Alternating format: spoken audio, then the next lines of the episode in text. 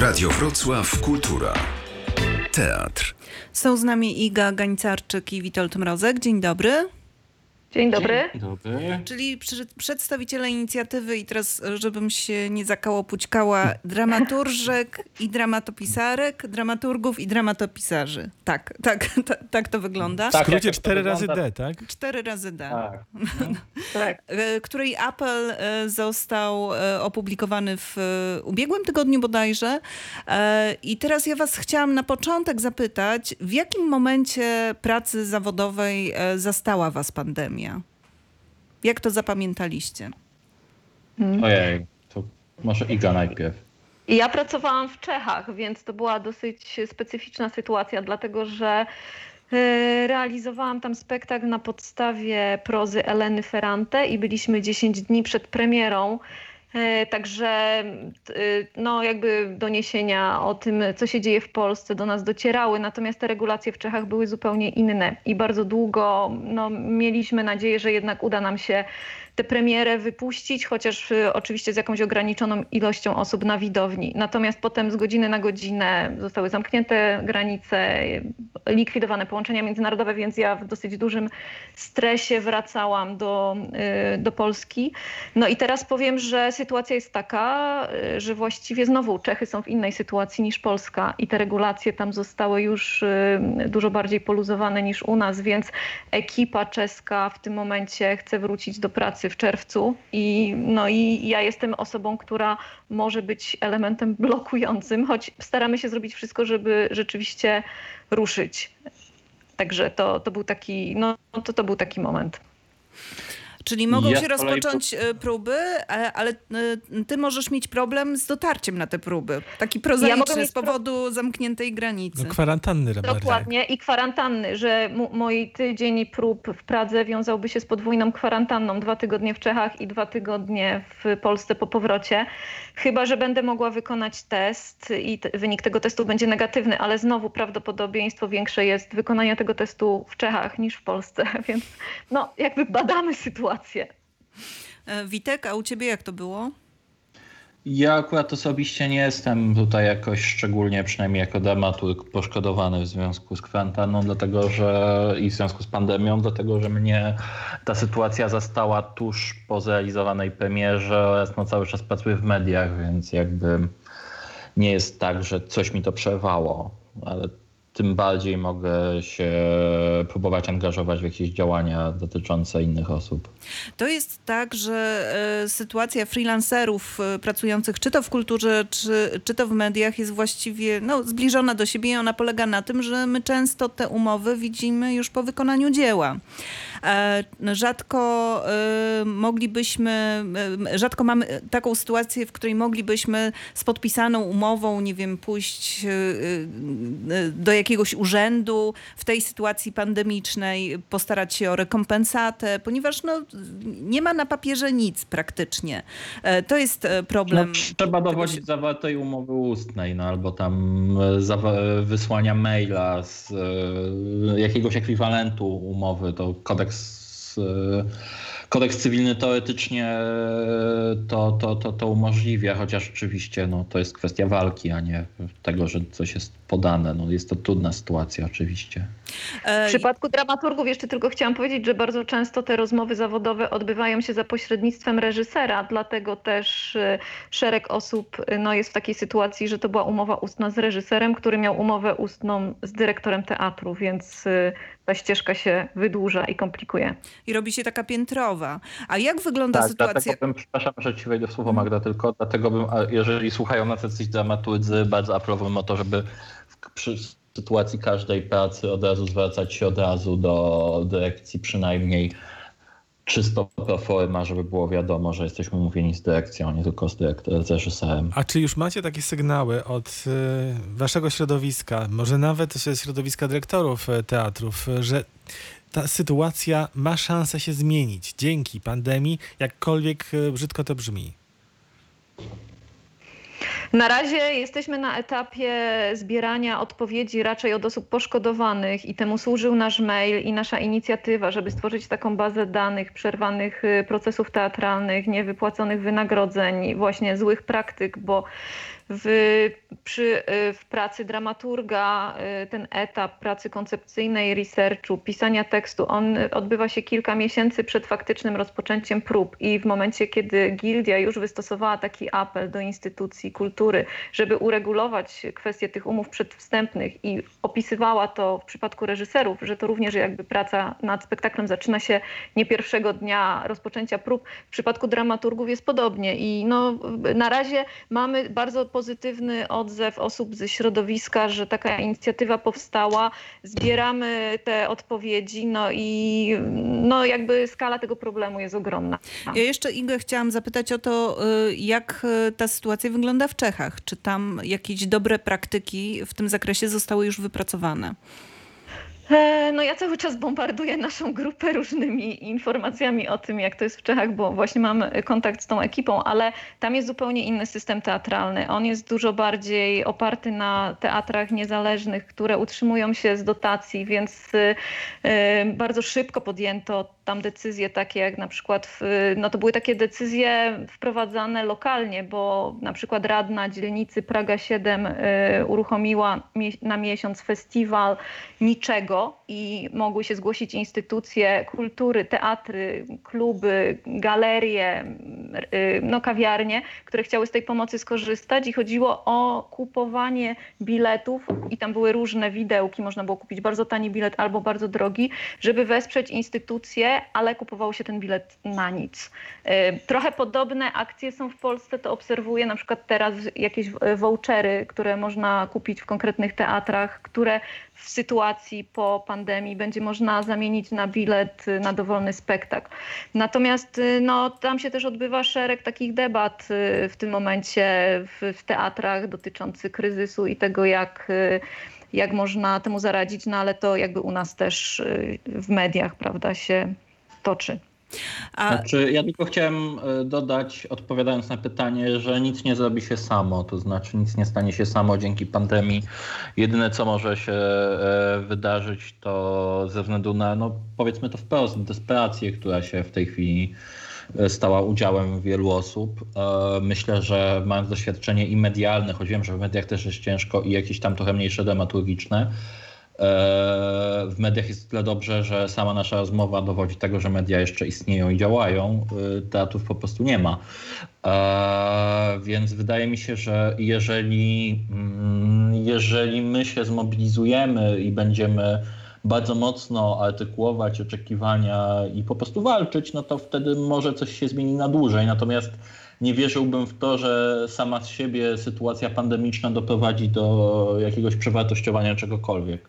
E, to może, pod, żeby tak e, e, stworzyć pewne ramy tego, o co walczycie, to poprosiłabym was, żebyście wymienili te takie podstawowe problemy, z którymi e, spotykają się ludzie z waszego środowiska, czyli stworzyli e, na potrzeby tej audycji taki katalog tych złych praktyk, z którymi się spotkaliście. Pierwszą już wymieniliśmy, to jest e, brak umów.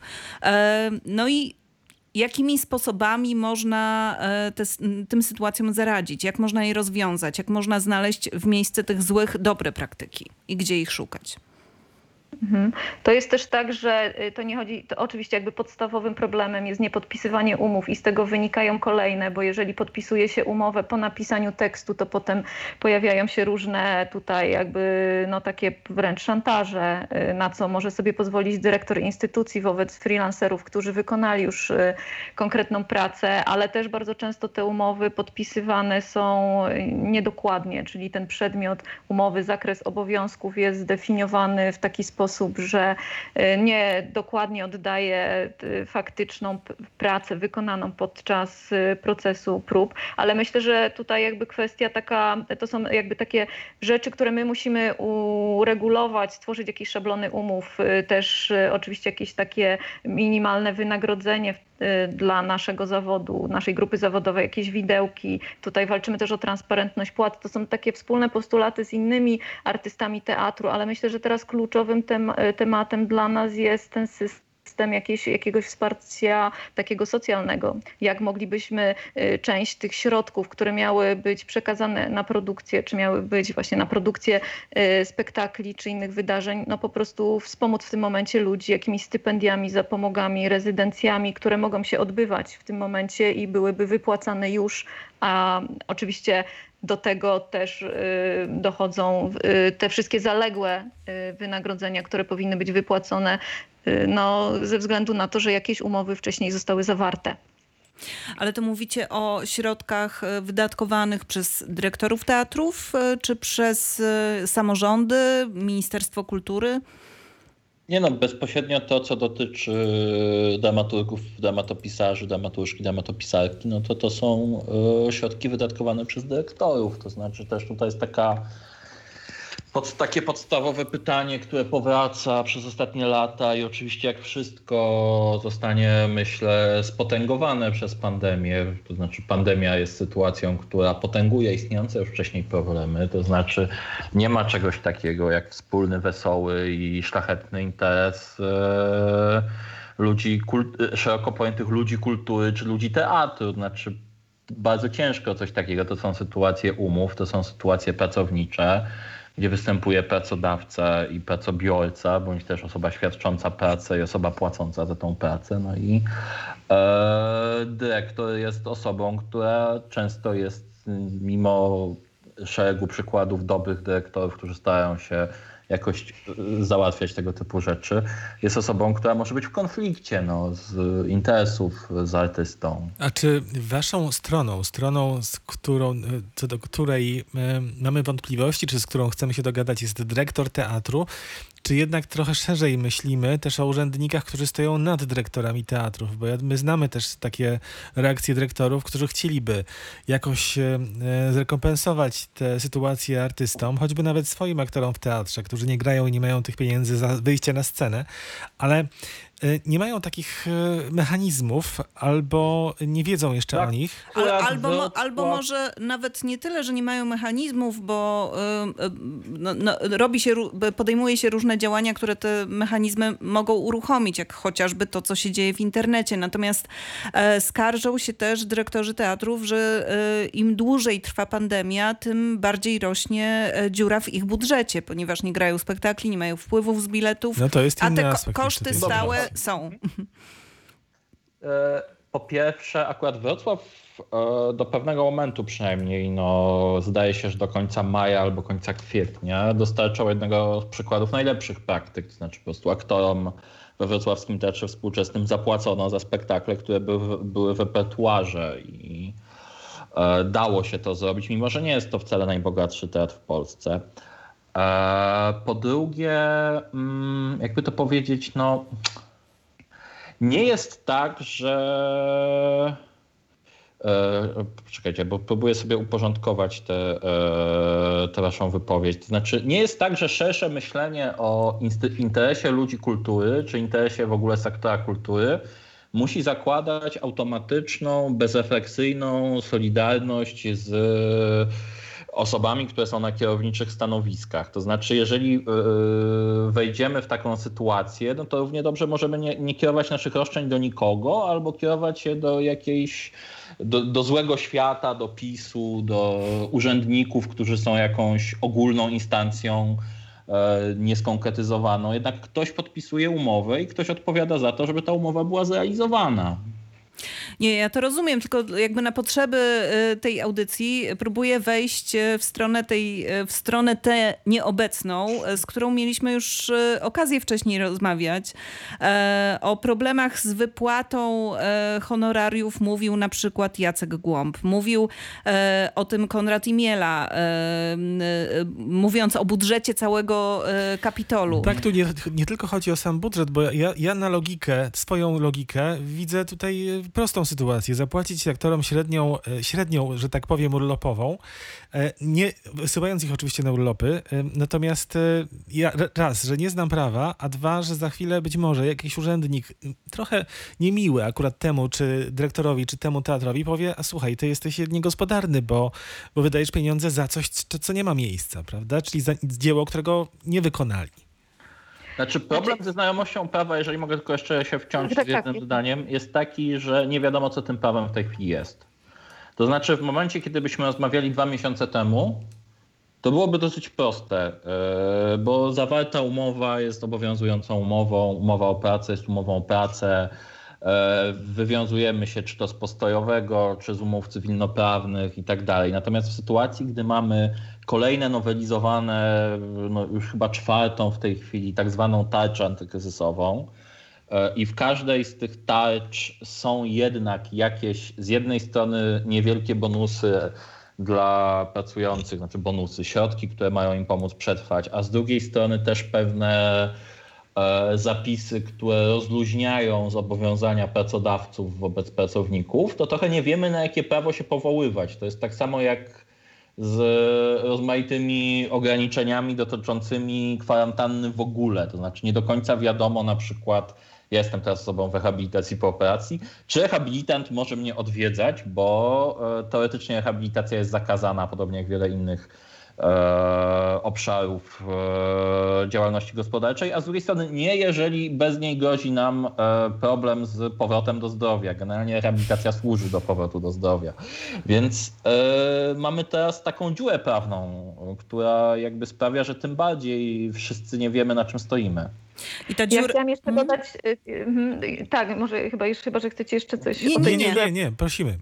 Nie, bo ja chciałam jeszcze powiedzieć, że nasze działania są też zaplanowane tak wielotorowo. Jesteśmy świeżą inicjatywą, więc teraz y, w ogóle jakby y, skupiamy się też na tym, żeby no, mieć jakąś podmiotowość prawną, ale przede wszystkim chcieli, zależy nam na tym, żeby w tej konkretnej sytuacji uruchomić takie pogotowie prawnicze, które zajęłoby się szeregiem interwencji, które miałyby charakter mediacji, że my byśmy wiedząc o tych problemach w konkretnych teatrach, konkretnych y, osób mogli no, jakby służyć taką pomocą w tych rozmowach, żeby jak najszybciej doprowadzić do rozwiązania tych najbardziej palących problemów. A inna sprawa to są pewnie postulaty, które nas łączą z pozostałymi reprezentantami y, środowiska i tutaj jakby nasza współpraca z Gildią Reżyserek i Reżyserów ta, y, Polskich y, Teatralnych, czy jakby szersze znowu jakieś kręgi, które łączą te wszystkie organizacje, no to jest no taka myślę walka o to, żeby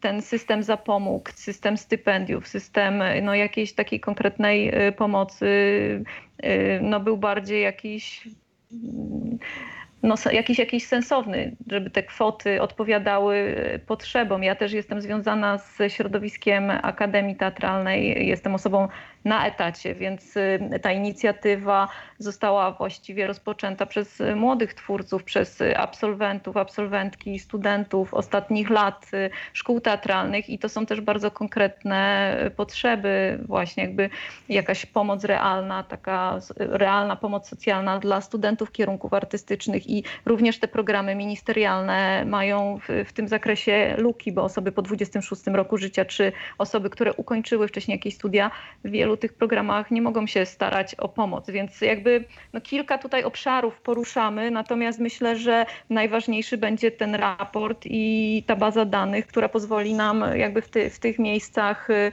działać, gdzie to w tym momencie jest najbardziej potrzebne. No właśnie, A ale- powiedzcie, no właśnie, bo- jaka jest skala tego problemu? Co, co już wynika z danych, e, które udało wam się zebrać i czy zdarzają się poza e, no, tymi ewidentnymi e, przypadkami naciągania istniejących przepisów, bo umówmy się, każdy z nas podejmując jakiekolwiek zlecenie powinien mieć tę umowę w kieszeni. Czy po, poza tym pojawiają się też dobre praktyki w teatrach dotyczące waszego środowiska?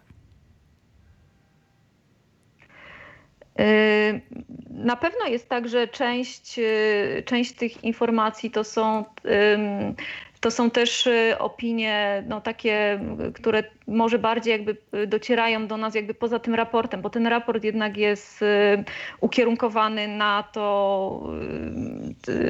w jakiej sytuacji właśnie, jakie z powodu epidemii spotkały kogoś tutaj konsekwencje takiej, no właśnie jakby bezrobocia, ale, ale słyszałam o szeregu takich praktyk, że rzeczywiście dyrekcje teatrów no, zaproponowały jakąś formę stypendium, czy właśnie rodzaj takiego wynagrodzenia, które pozwala w tym momencie na jakieś rozwijanie researchu, na to, żeby ten projekt był w toku, ale oczywiście bez możliwości prowadzenia prób, więc takie przypadki też, też, też takie były. przypadki zarówno, nie wiem, z Wrocławskiego Teatru Współczesnego, jak i na przykład z Teatru Dramatycznego w Warszawie. Yy, dotyczące, nie wiem, wypłacania transz, yy, jakby wchodzenia w, ze zrozumieniem w to, że nie da się, w sytuacji, w której no nie da się oddać dzieła na takim etapie, na jakim powinno być ono zgodnie z umową oddane, dlatego że sytuacja wygląda tak, jak wygląda.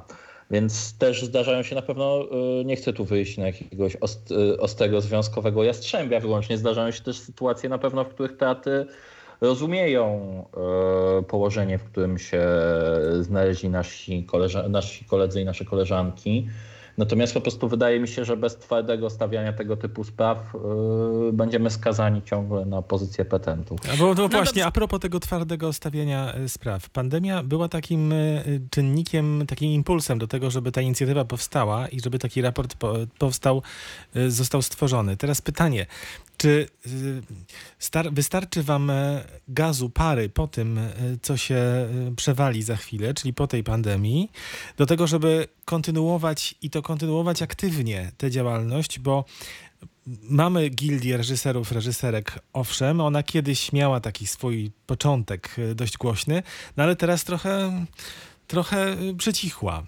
Czy, czy wy doprowadzicie te swoją działal, to swoje działanie do, do efektu? Będziecie przynajmniej próbować do końca.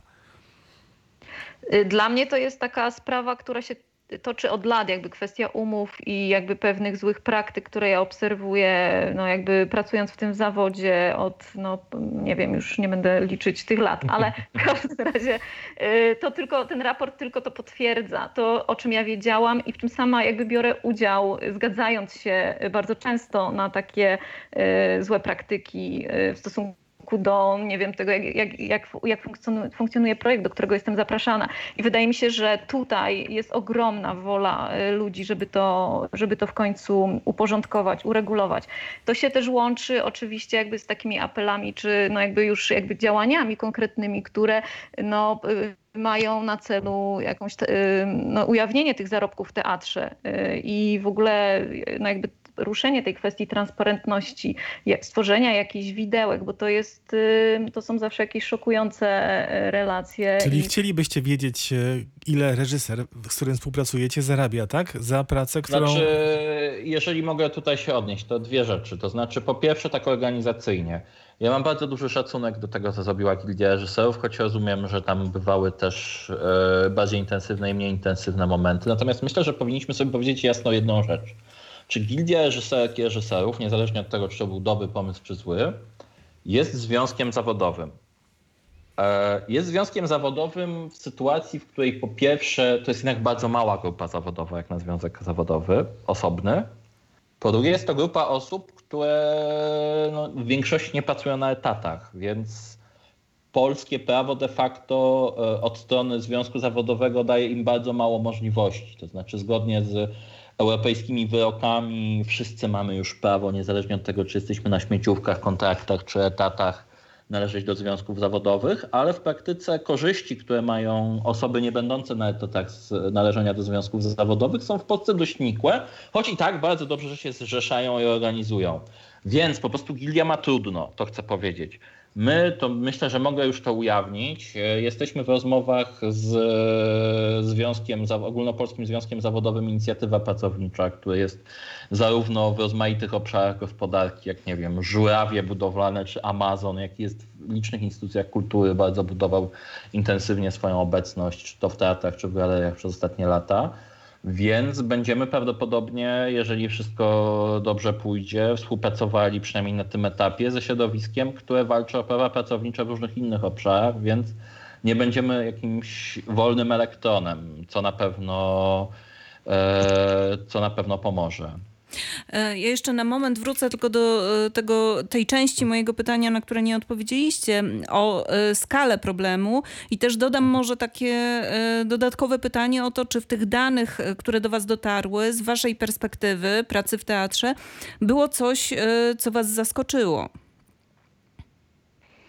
E, no, jak, e, tak, nie możemy jakby powoływać się teraz na żadne konkretne przypadki, dlatego że to jest jakby początek też zbierania tych e, materiałów. Te informacje są poufne, więc my musimy je opracować, żeby móc się nimi posługiwać. Natomiast no czy coś nas zaskoczyło? Mnie zaskoczyło to, że właściwie każdy z dramaturgów, który wypowiedział się w tej ankiecie, miał, y, ma przykład jakiejś złej praktyki i to y, y, pokazuje, no jak, jak sam ten, sama ta funkcja jest taką funkcją elastyczną, prawda? My wchodzimy jakby w różne, podejmujemy różnych się zadań, mamy różne obowiązki, więc bardzo często one nie są zdefiniowane i jedna z osób napisała, zaczynam pracę przy przed, jako pierwsza w zespole i kończę y, ją, bo jeszcze jako ostatnia, bo jeszcze redaguję bardzo często y, teksty do programu teatralnego. Po drodze przygotowuję materiały do researchu, robię opracowanie tekstu, adaptację, piszę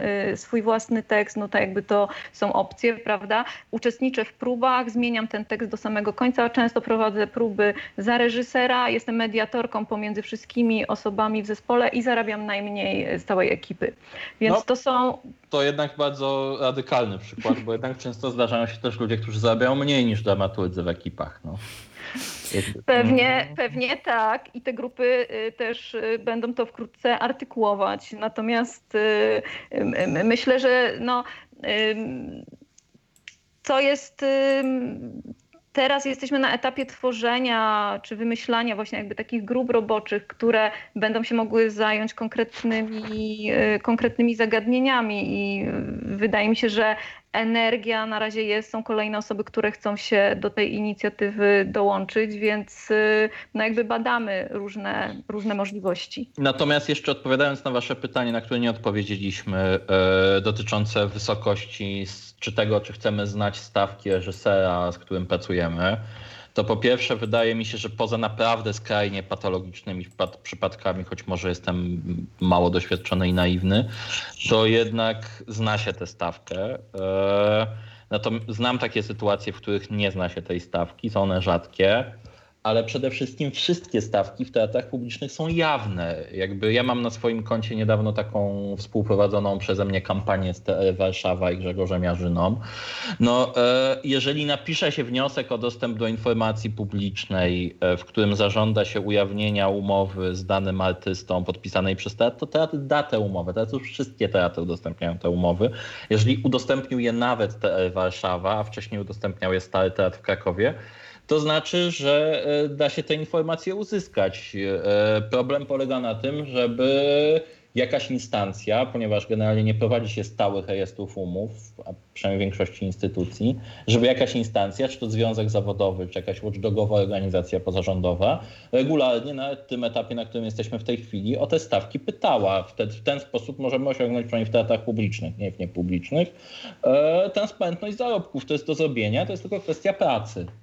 E, to jest tak, że e, to ujawnienie stawek w TR Warszawa jeszcze przed wybuchem pandemii wywołało już burzę w środowisku dramaturżek i dramaturgów e, i ta burza dotyczyła dysproporcji między stawkami reżyserów a stawkami dramaturżek i dramaturżków. Przepraszam, dramaturgów. Ja bym chciała zapytać, czy wy macie jakiś pomysł, jak, pomysł na ustalenie tej proporcji, która byłaby sprawiedliwa dla was?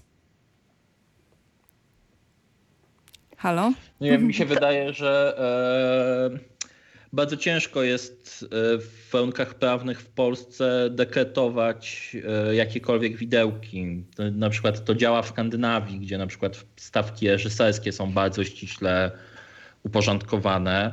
Wydaje mi się, że tutaj kluczowa jest jawność, to znaczy że e, te najbardziej patologiczne przypadki polegają na sytuacjach, w których po prostu nawet nie wie się, ile zarabia ta druga strona, ani nie wie, ile można się, ani nie wie się, ile można ile można po prostu sobie zażyczyć na takiej czy innej umowie. W Polsce mam wrażenie zapisał największym tabu w ogóle. No, my i tak jesteśmy w komfortowej sytuacji w pewnym sensie, że możemy o tą jawność stawek walczyć w korporacjach prywatnych, firmach prywatnych. To jest w ogóle niewykonalne prawnie to, żeby y, ujawniać stawki, żeby na przykład, nie wiem, czy to osoby młode, czy na przykład kobiety względem mężczyzn mogły walczyć o, o, o, o, równe płace, więc e, wydaje mi się, że tu bardziej chodzi po prostu w tej chwili o jawność niż o to, żebyśmy my wyskoczyli z jakimś e, e, z, jakim, z jakąś tabelką, w której zaproponujemy konkretne stawki. Dlaczego tak myślę? Dlatego, że jawność jest możliwa do wyegzekwowania prawnie i ona wpłynie faktycznie na rzeczywistość. Natomiast e, tabelka, którą byśmy e, zaproponowali, będzie tylko naszym pobożnym życzeniem. Tak, ale myślę, że można e, tutaj dyskutować o, jakiś, o jakimś minimalnym wynagrodzeniu, dlatego że te najbardziej takie no, y, rażące jakieś y, dysproporcje, one dotyczyły na przykład pracy debiutantów czy młodych twórców, którzy dopiero wchodzą w zawód i nie mają ani doświadczenia, ani rozeznania w tym, y, jakie stawki za konkretną pracę są w innych teatrach przyznawane, więc tutaj bardzo często dochodziło do nadużyć, ale rzeczywiście jakby w tych opiniach, które zebraliśmy, no, jakby postulat uregulowania w jakiś sposób, czy przemyślenia, przedyskutowania kwestii wynagrodzeń pojawiał się równie często jak wypracowanie szablonów umów, które moglibyśmy proponować dyrektorom, bo tu jest na przykład bardzo ważna kwestia, która dotyczy samych dramaturgów, nie dramatopisarzy, yy, związana z tym, że bardzo często proponuje się za dramaturgię umowę zlecenie, a nie umowę o dzieło. I tak, teraz jest jakby... to inaczej opodatkowane na niekorzyść dramaturga. Tak. Dokładnie. I teraz jakby pojawiają się pomysły, w jaki sposób y, trzeba no jakby udowadniać, że to, ta praca ma wymiar artystyczny. Tak jak reżyser składa koncepcję reżyserską, dramaturg może złożyć koncepcję dramaturgiczną, ale to też jakby trzeba sobie wywalczyć i trzeba o tym wiedzieć, że nie musimy się zgadzać na tą umowę zlecenie, jeżeli nie jest to y, praca, która rzeczywiście jakby ma taki charakter. Inna sprawa to są tantiemy, które, którymi bardzo często się tutaj jakby manipuluje w teatrach i bardzo rzadko te umowy licencyjne są podpisywane. Y, no ja sama spotkałam się z takimi przypadkami, że w momencie, kiedy były prognozy, że spektakl będzie często grany, to umowy licencyjnej się nie podpisywało. A oczywiście mówi się o tym, że wynagrodzenie jest wyższe z tego względu, że zrzekamy się yy, yy, właśnie jakby tego yy, tantiem, natomiast no, potem okazuje się, że jakby w, w, w rozmowach z dyrektorem wcale na ten temat no jakby nie, nie, nie mówi się o tym. To jest dopiero jakiś taki kontrargument I ja bym, mhm. ja bym tu znowu e, wrócił do tego, że po prostu kwestia informacji i jawności jest tu bardzo ważna. To znaczy, z jednej strony oczywiście to nie jest organizacja, która e, byłaby jakąś nową siłą, ale no nie wiem, o tantiemy walczy na przykład skutecznie ZAX, e, który oczywiście się uczy tego, jak wygląda praca dramaturga w odróżnieniu od dramatopisarza, ale nawet nie mam na myśli tylko tego, natomiast wydaje mi się, że takich sytuacjach, które do nas dochodzą i które po prostu dochodziły też do nas wcześniej, poza jakimiś, nie wiem, sformalizowanymi, zorganizowanymi ankietami, bardzo ważne są po prostu e, psychiczne opory. To znaczy, no, to są artyści, to są wrażliwi ludzie, którzy niekoniecznie po prostu przychodzą i chcą się kłócić o pieniądze albo umieją się kłócić o pieniądze. Nie ma czegoś takiego jak w, w polskim środowisku teatralnym za bardzo jak instytucja agenta, który brałby na siebie takie rzeczy. Więc e, względem jawność jest tyle istotna, że e, ona pe odczarowuje pewne tabu, zwłaszcza właśnie tak jak mówiła Iga, u młodych, początkujących twórców, którzy po prostu nie wiedzą, ile mogą zapytać, czy to nie będzie zbyt bezczelne, Jasne, jasne. E, to jeszcze powiedzcie no. na koniec, kiedy będzie można się spodziewać waszego raportu? O. Dobre pytanie. Teraz e, właściwie jesteśmy na etapie wysyłania e, takiego przypomnienia, że czekamy i cały czas zbieramy te informacje. Myślę, że po, drugi, po długim weekendzie majowym będziemy mieć jakąś drugą porcję tych opinii. No, chcemy to zrobić jak najszybciej. Natomiast też jakby pro, proporcje są tutaj istotne, bo skierowaliśmy ten apel tego maila do 130 osób, więc chcemy no jakby uzyskać jak najwięcej więcej danych, ale oczywiście jakby będziemy to aktualizować i zbierać te informacje też później. Także no, myślę, że w połowie maja pewnie będziemy mieć raport. No No to nieźle, to nieźle. Bardzo dobry wynik. Bardzo dobra perspektywa, tak jest.